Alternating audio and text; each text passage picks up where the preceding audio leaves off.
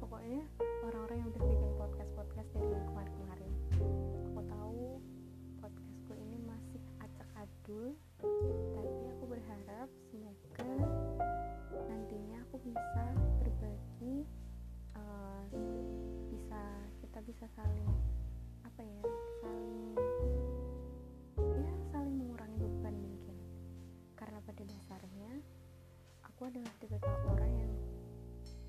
bisa buat um, berbagi cerita dengan banyak orang atau sembarangan orang. Jadi ketika aku punya masalah atau aku punya cerita apa pun biasanya aku lebih suka untuk aku pendam atau aku tulis. Nah setelah aku mendengarkan podcast dari Randy